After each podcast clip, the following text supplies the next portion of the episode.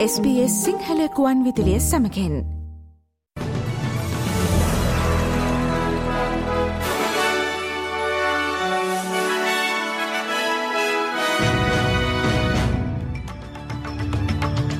අද පෙබරවාරි මස නවවන සිකුරාදා. SBS සිංහල සේවේ ප්‍රෘතිගෙනන මම දිනේශා දිල්රුක්ෂී විජේසූරිය. පසුගේ වසරේ ඔක්තුම්බර් හත්වනදා දකුණු ඊශ්‍රයිලයට එල්ල කළ හමාස් ප්‍රහාරයට ගාසාහි එක්සජාතීන්ගේ සහන කණ්ඩායමේ සාමාජිකයෙන් සහභාගී වී ඇති බවට එල්ලවන චෝදනා සඳහා ඊශ්‍රයිලෙන් තවදුරටත් සාක්ෂි බලාපොරොත්තු වන බව ඔස්ට්‍රලයානු විදේශාමාත්‍ය පෙනීවෝන් පවසයි. ඊශ්‍රයිලේ එල්ල කළ මෙම චෝදනා හේතුවෙන් ගාසා වෙත ලබා දෙන මානුෂීය ආධාර නතර කිරීමට ඔස්ට්‍රේලියාව ඇතුළු රටවල් කිහිපයක් මේ වන විට පියවරගෙන තිබේ. ඔස්ට්‍රේලයානු රජය හමස් සංවිධානය ත්‍රස්වාදී සංවිධානයක් ලෙසට සල්කන අතර මේ පිළිබඳව නිසි විමර්ශනයක් පවත්වනතුරු එක්සත් ජාතීන්ගේ ගාසාහි සහන සේවා අරමුදල් සඳහා ප්‍රතිපාදන ලබාදීම නතර කිරීමට ඔස්ට්‍රේලියාව පියවරගෙන තිබේ.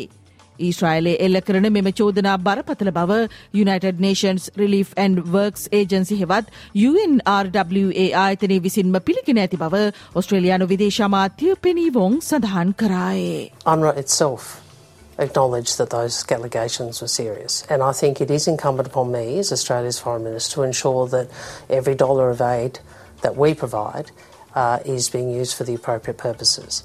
Uh, the Israelis can answer questions about their evidence. Victoria ප්‍රාන්තයේ අද අලියම දොළහයි පණහට පමණ රික්ට මාපකේ හතරයි දශම තුනක භූකම්පනයක් වාර්තා වී තිබේ. මෙම කම්පනය ඇතිවුණු කේන්ද්‍රස්ථානය ලෙසට සෞත් ගිබ්ස්ලන්ඩ්හි ලියොන් කතා නගරය හඳුනාගෙන තිබේ. මෙම භූකම්පනයෙන් කිසිදු පුද්ගල හෝ දීපලහානියක් වාර්තාාවී නොමැත.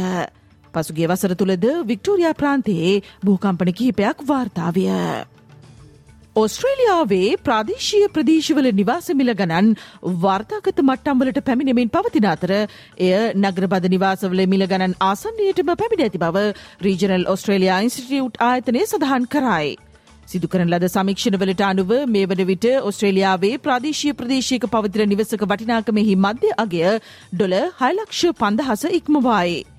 ප්‍රාදේශීය ප්‍රදේශවල කුලි නිවාස පුරක්පාඩුද නගරබද පෙදෙස්වලමෙන් ක්‍රමයෙන් ඉහළ යමින් පවතින බවද මෙම සමික්ෂණ වාර්තාවෙන් හෙළිව තිබේ. මෑත වසරවලදී මෙරට ප්‍රාදේශීය ප්‍රදේශවලට නව පදිංචිකරුවන් ලෙසට සංක්‍රමණීව ඇති පිරිස එක් ලක්ෂ හැට හය දහසක් බවද මෙහිදී අනාවරණයව තිබේ.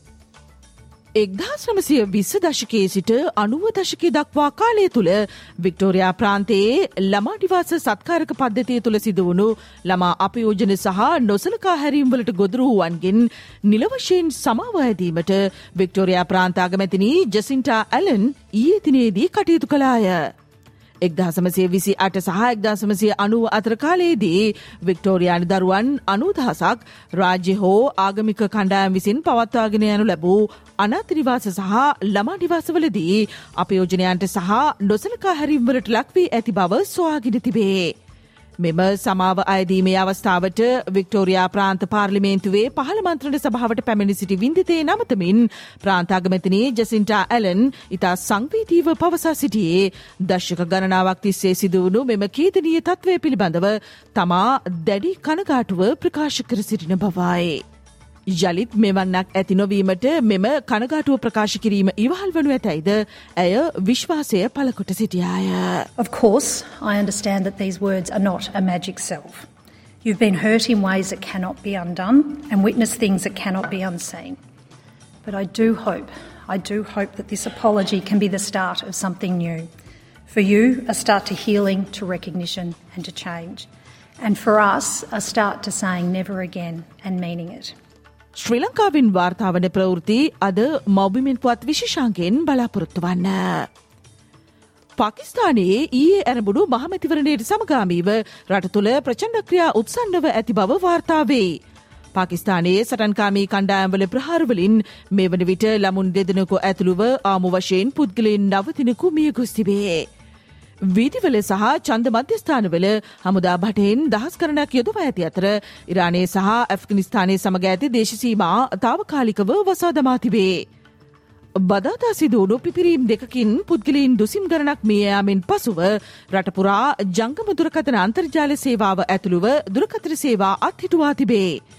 ප්‍රතිඵල ප්‍රකාශයට පත් කරන තෙක් චන්ද මධ්‍යස්ථානවලින් පිටත රැඳී සිටින් ලෙසට මේ වන විට අතරංගුවේ පසුවන හිටපු අගමැති ඉම්රාන් කාන් සිය ආධාරකරුවන්ට කළීල්ලීමේ අනතුරුව මෙලෙස ජංගමදුරකදට සඳහාවඩ අන්තර්ජාල සේවා අත්හිටුවා තිබේ. ඉම්රාන් කාන් හට පසුගිය වසරේදී දූෂණ චෝදනා මත සිරතඩුවම් නියම විය. පාකිස්ාන මැතිවරණය සහ ලෝපුරා මේ සතියේදී වාර්තාාවන විශේෂ සිදුවීම් අද අපගේ ලොව වටා විදිස් විති විමසුමෙන් බලාපොරොත්තු වන්න. ඇෆ්ගනිස්ථානයට එරෙහිව පල්ලි කැලේදී අද ආරම්භ වන තරඟ තුනකින් සමන්විත එක්දින ක්‍රිකට් තරඟාවලියට සහභාගී වන ශ්‍රී ලංකා සංචිතයෙන් හිටපුනායක දසුන් ශානක ඉවත් කොට තිබේ. ඔහු වෙනුවට ශ්‍රී ලංකා සංචිතයට යෝන් ක්‍රීඩක ශෙවෝන් ඩැනියල් ඇතුළත් කොට තිබේ. දසුන් ශානක පසුගිය සිම්බාබේ තරගාවලියේදී අසාර්ථකවීම නිසා සංචිතයෙන් ඉවත් කළ බවත් ඔහුට නැවත දස්කම් අතරට පැමිණ සංචිතයේ ස්ථානය හිමිකර ගැනීමේ අවස්ථාව ඇති බවත් ශ්‍රී ලංකා ක්‍රිකට් ආයතනය සඳහන් කරායේ. ශ්‍රී ලංකා ඔස්ට්‍රේලයා ක්‍රීඩා පිටිවල නවතම තතු අද සතිය ක්‍රීඩා විග්‍රහයෙන් බලාපොරොත්තු වන්න.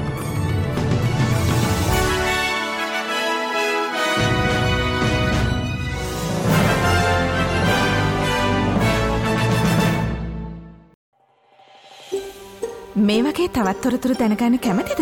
එහමනම් Apple podcast Google podcast Spotify ෆිහෝ ඔබගේ පොඩ්කාස්ට ලබාගන්න ඕනෑම මාතයකින් අපට සවන්දය හැකේ.